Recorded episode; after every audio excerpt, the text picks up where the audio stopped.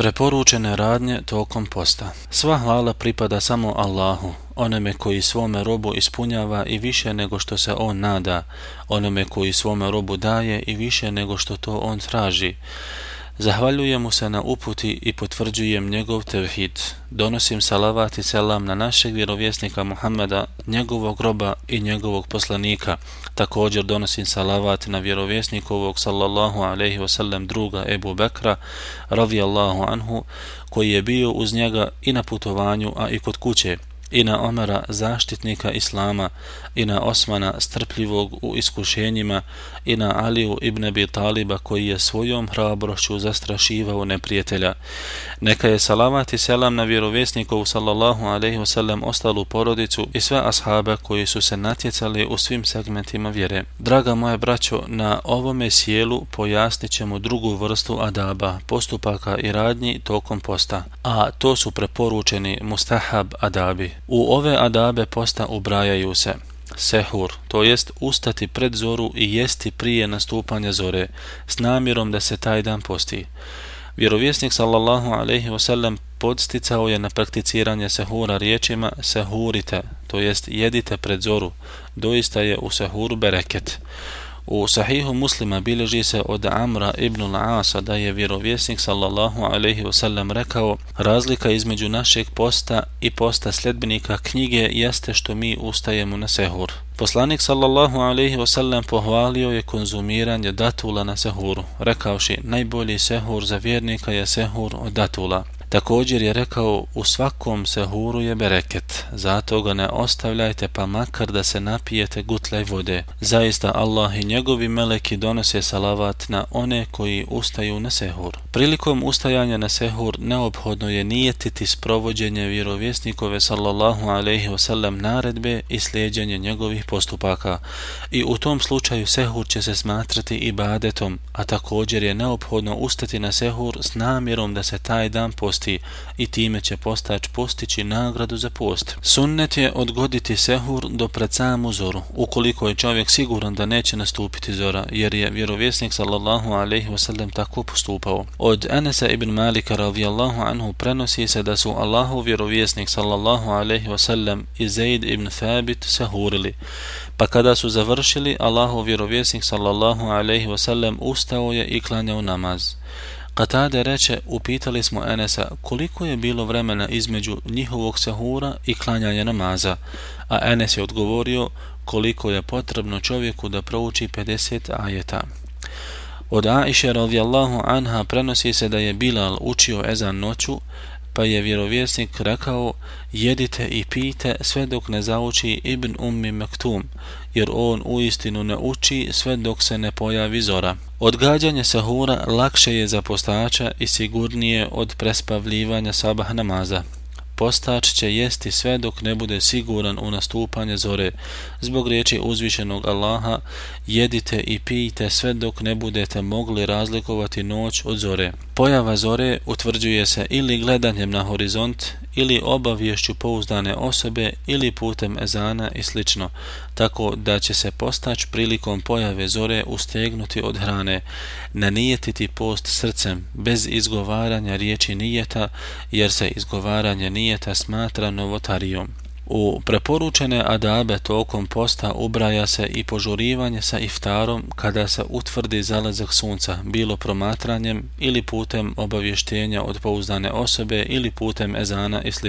Od Sehla ibn Sa'da radijallahu anhu prenosi se da je vjerovjesnik sallallahu alaihi wasallam rekao ljudi neće prestati biti u dobru sve dok budu požurivali sa iftarom. Također poslanik sallallahu alejhi ve sellem rekao je prenoseći od svoga gospodara, rekao je Allah uzvišeni: "Meni najdraži robovi su oni koji najviše požuruju iftar." Sunnet je da se iftari svježim datulama, a ako nema svježih, onda suhim datulama a ako ni njih nema, onda vodom zbog riječi Anasa radijallahu anhu, vjerovjesnik sallallahu alaihi wasallam iftario bi se svježim datulama prije nego što bi klanjao, a ako nije bilo svježih datula, onda bi se iftario suhim datulama a ako ni njih nije bilo, onda bi popio nekoliko gutlaja vode. Ako postač ne bude imao ni svježi, ni suhi datula, pa čak ni vode, tada će se iftariti bilo kojom dozvoljenom hranom ili pićem koje ima u tom trenutku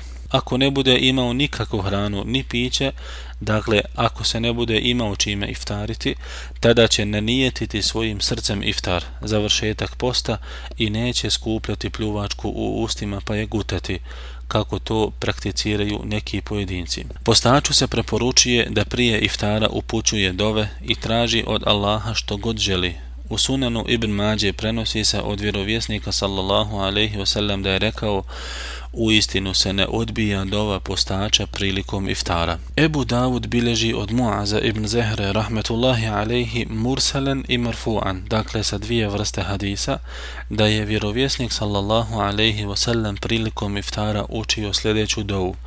Allahumma leke sumt, wa ala rizqika aftart. Gospodaru moj, tebi sam postio i tvojom obskrbom se iftarim.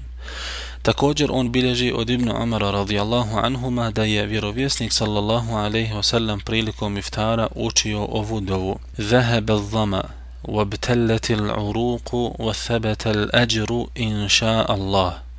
Žeđ je otišla, žile su se natopile, i postigla se ako Bog da nagrada. Od preporučenih adaba tokom posta jeste i često učenje Kur'ana, zikra, dova, obavljanje brojnih nafila, dobrovoljnih namaza i dijeljenje sadake.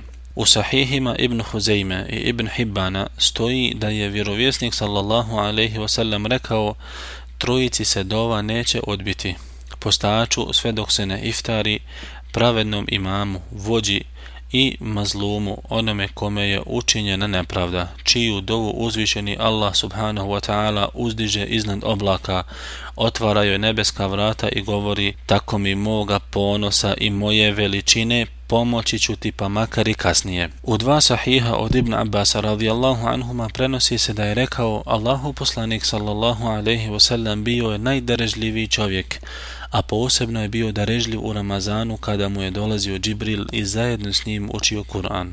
Darežljivost Allahovog poslanika sallallahu alaihi wasallam ogleda se u širenju znanja, poučavanju neuki, žrtvovanju života i imetka na Allahovom putu radi uzdizanja Allahove vjere, upućivanju Allahovih robova, ukazivanju na svaku korist, ispunjavanju njihovih potreba, hranjenju gladni i tako dalje. Darežljivost Allahovog poslanika sallallahu alejhi ve sellem povećavala se u Ramazanu zbog časti i svetosti tog vremena, ali i zbog uvećavanja nagrade u njemu. Poslanik sallallahu alejhi ve sellem pomagao je Allahovim robovima i upućivao ih da ispravno obavljaju ibadet i dobra djela, ali se i zalagao u dijeljenju hrane tako da je istovremeno postio i davao hranu potrebnima, a ova djela su razlozi ulaska u džennet.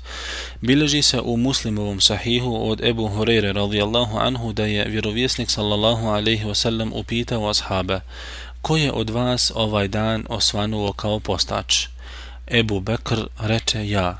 Poslanik upita, ko je od vas ovaj dan ispratio dženazu? Ebu Bekr reče, ja. Poslanik ponovo upita, ko je od vas ovaj dan nahranio siromaha?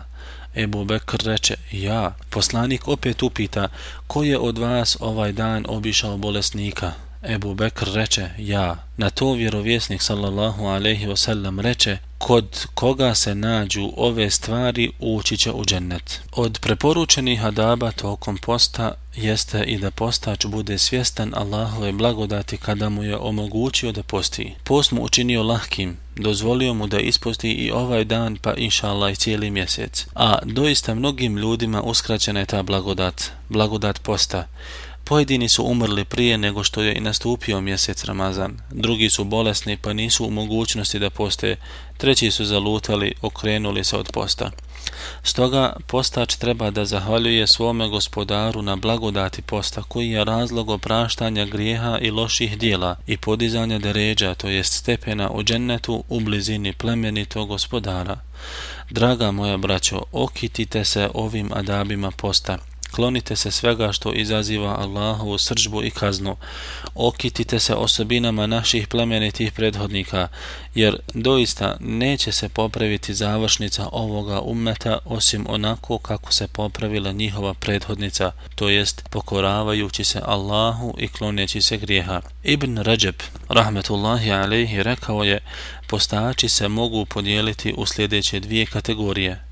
Prva kategorija su oni postači koji ostavljaju hranu, piće i zadovoljavanje strasti radi Allaha, nadajući se od njega uzvišenog nadoknadi za sve to u džennetu. Oni trguju sa Allahom i tako mi Allaha neće propasti nagrada onog vjernika koji čini dobra djela. Naprotiv, on će najbolje profitirati. Allahu poslanik sallallahu alaihi wasallam rekao jednom čovjeku u istinu ti nećeš ostaviti ništa iz straha od Allaha Allaha, a da ti Allah neće dati bolje od toga. Tako će ovom postaču biti dato u džennetu što god bude želio, hrana, piće i žene.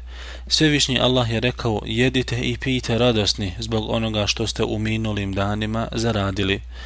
Mujahid i drugi komentirajući ovaj ajet kažu, ovaj ajet objavljen je povodom postača. U hadisu Abdurrahmana ibn Semure, kojeg je vjerovjesnik sallallahu alaihi wasallam vidio u snu, spominje se da je rekao vidio sam jednog čovjeka iz svog umnata kako dahće od žeđi. Međutim, kada god bi se približio haldu da se napije vode, bio bi spriječen i otjeran. Zatim je došao njegov post, napojio ga i tako mu ugasio žeđ. Druga kategorija postača jesu oni koji na Dunjaluku poste od svega, posvećuju se samo Allahu, traže samo njegovo zadovoljstvo i ustežu se od svega ostalog. Vode računa o svome sluhu, vidu, jeziku, o svome stomaku, prisjećaju se smrti i drugog svijeta, ahirata, pa ostavljaju dunjalučke ukrase. Oni će bajramovati onoga dana kada susretnu svoga gospodara, kada se budu radovali gledanju u njega uzvišenog. Ko danas bude postio od dunjalučkih protjeva, izvršavajući Allahu naredbu, sutra će ih dobiti u džennetu. Ko bude priželjkivao susreca Allahom, pa u istinu Allahova odredba će doći. On je onaj koji sve čuje i sve zna. O pokajnici, postite danas od dunjalučkih protjeva i strasti da bi u njima uživali na istinskom bajramu nakon posta, a to je dan susreta sa Allahom. Gospodaru naš, uljepšaj našu nutrinu iskrenošću prema tebi, uljepšaj naša dijela slijedjenjem svoga poslanika, povođenjem za njim i odgajanjem njegovim odgojem. Gospodaru naš, probudi nas iz nemara, spasi nas džehennemskih dubina, oprosti nam grijehe naše i loša djela. Oprosti nama, našim roditeljima i svim muslimanima, živima i mrtvima, svojom milošću, doista si ti od milostivih najmilostiviji. Neka je Allahu salavat i selam na našeg vjerovjesnika sallallahu alaihi wasallam, njegovu porodicu i sve ashabe.